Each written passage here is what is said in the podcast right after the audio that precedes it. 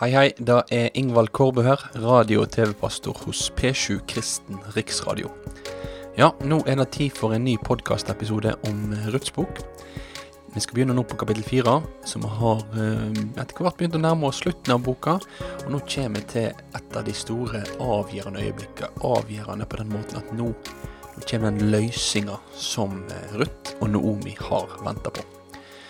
Dagens episode håper jeg at du kjenner at det er verdt å få med seg. Så håper jeg at du ellers har en eh, god dag, og at dette her kan være en episode som òg kan få være til hjelp og til inspirasjon for deg i ditt liv.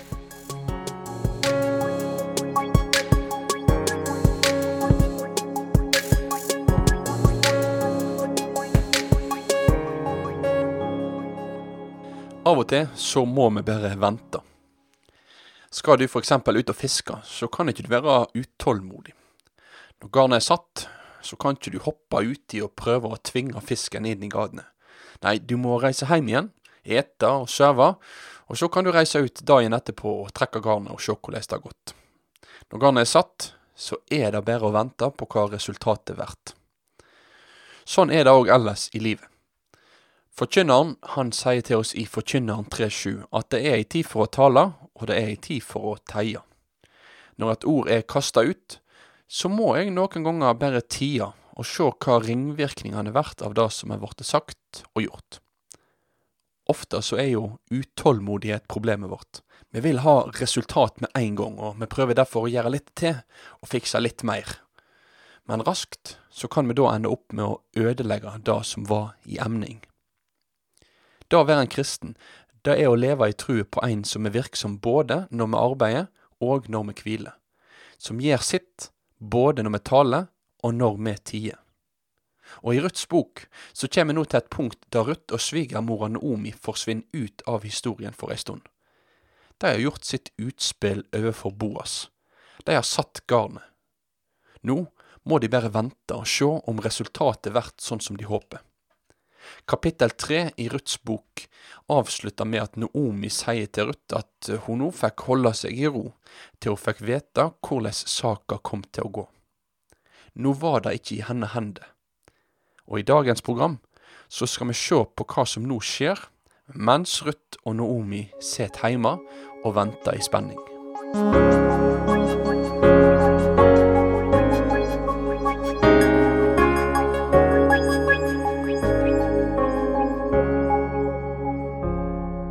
Leser sammen i Ruths bok kapittel fire, og vi leser vers 1 til 12.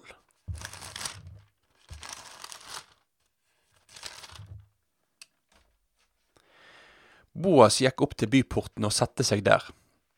Netto kom løysingsmannen som Boas hadde snakka om, forbi. Boas kalte han ved navn og sa, Kom og set deg her. Så gikk han dit og satte seg. Boas så seg ut ti menn av de eldste i byen og sa, Set dykk her. Og de satte seg.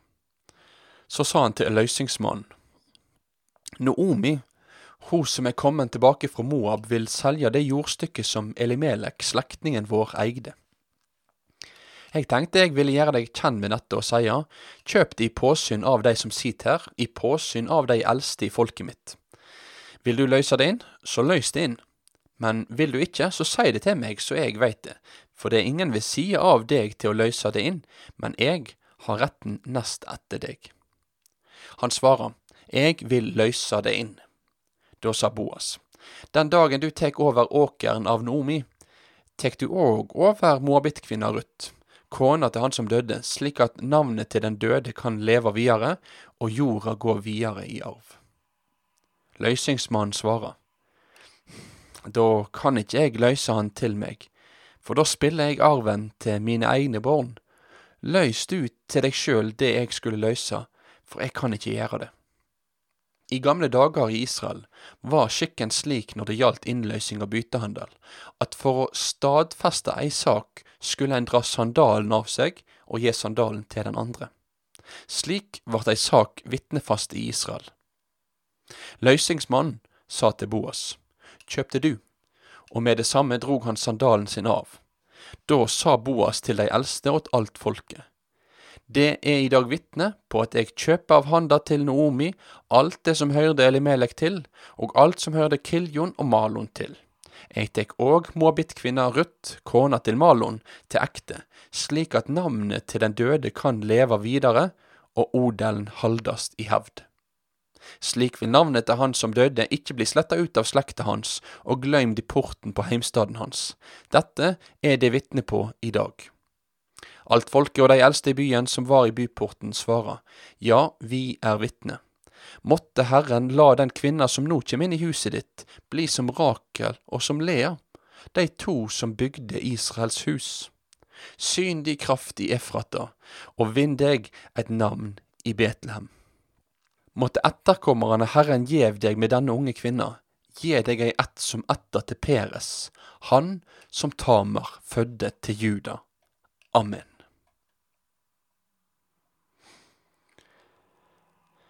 Hvis du eller jeg har et problem som skal løses opp i, så er nok ikke ryggmargsrefleksen vår at vi tar turen til byporten.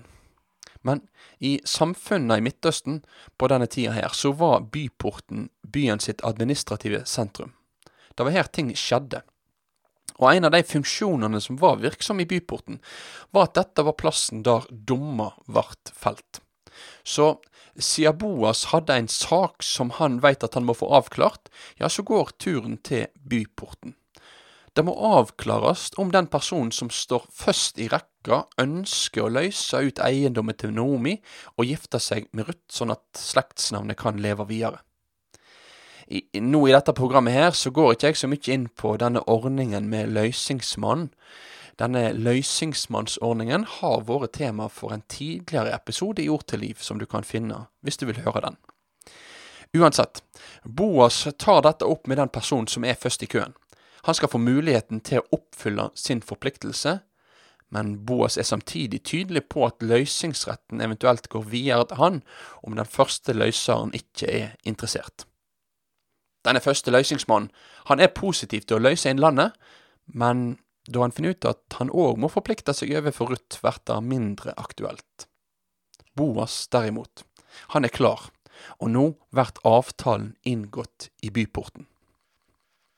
Boas kjøper eiendommen som enka Noomi hadde etter sin familie, og han tar Ruth til ekte, sånn at slekta kan få leve videre.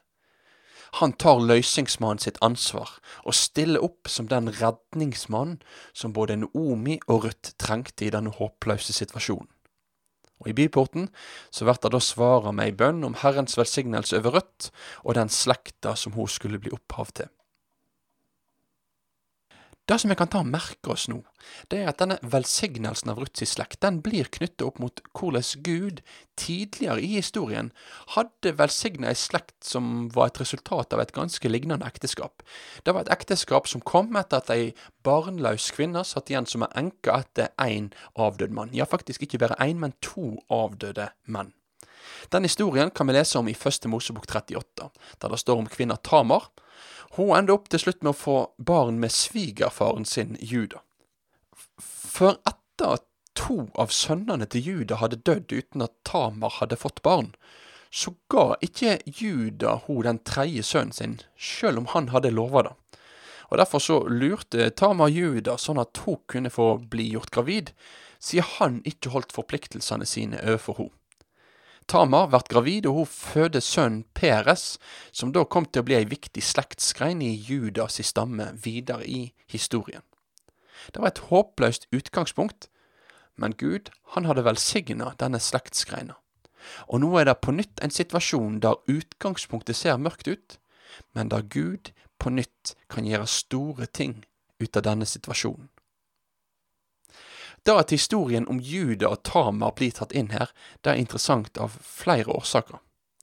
I sammenheng med kapittel fire i Ruths bok så er det framfor alt interessant, for da det kontrasterer Boas sitt handlingsmønster med Juda. I historien om Juda og Tamar så er det ikke Tamar som er problemet, eller som blir stilt i et dårlig lys. Det er Juda. For Juda, han lovte, og han laug. Men Boas, han lover Ruth, og han holder sitt løfte overfor Ruth. Han stiger derfor òg i dette kapitlet fram for oss som den løsningsmannen som holder sitt ord, og som er til å stole på. På denne måten er Boas et forbilde for hver og en av oss i det å gå fram overfor våre medmennesker i ærlighet og sannhet. Boas han holder sin forpliktelse, da Judas derimot prøvde å smyge seg unna den forpliktelsen han hadde tatt på seg.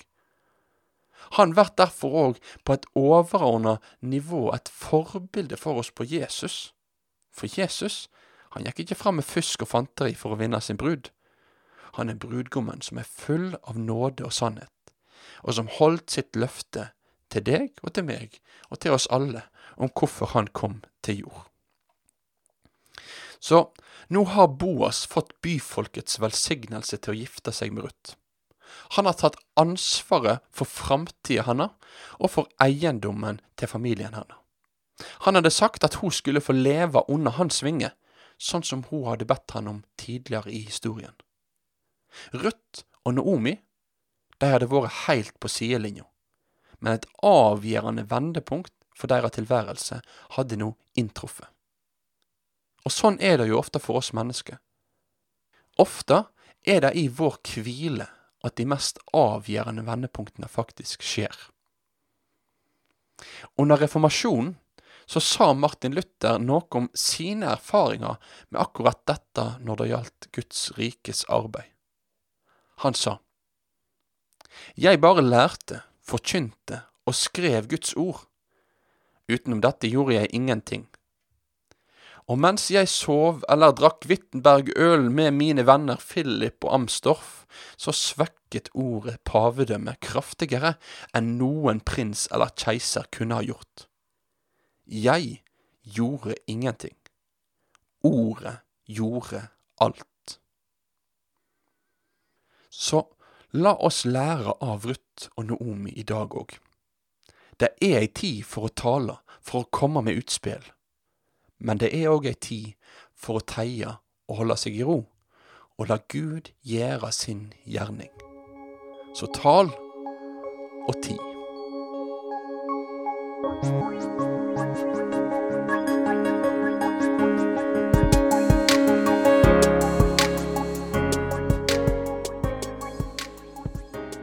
Ja, det var dagens Ord til liv-podkast. Jeg håper at dagens episode både kan ha vist deg sammenhengen mellom Boas og Juda, hans eh, stamfar, og òg dette her med hvordan i vår hvile så er fortsatt Gud den som arbeider. Hvis du har lyst og har anledning til det, så er du hjertelig velkommen til å gi ei gave til arbeid i P7. Da søker du bare på P7 Kristen Riksradio i VIPS, så får du opp all informasjon som du trenger. Vi i P7 vi ønsker å drive mediemisjonsarbeid i Norge og internasjonalt. For at flere mennesker kan få høre om Jesus, og for at mennesker som allerede har hørt om Jesus, kan lære han bedre å kjenne. Takk til hver og en av dere som er med og støtter dette arbeidet.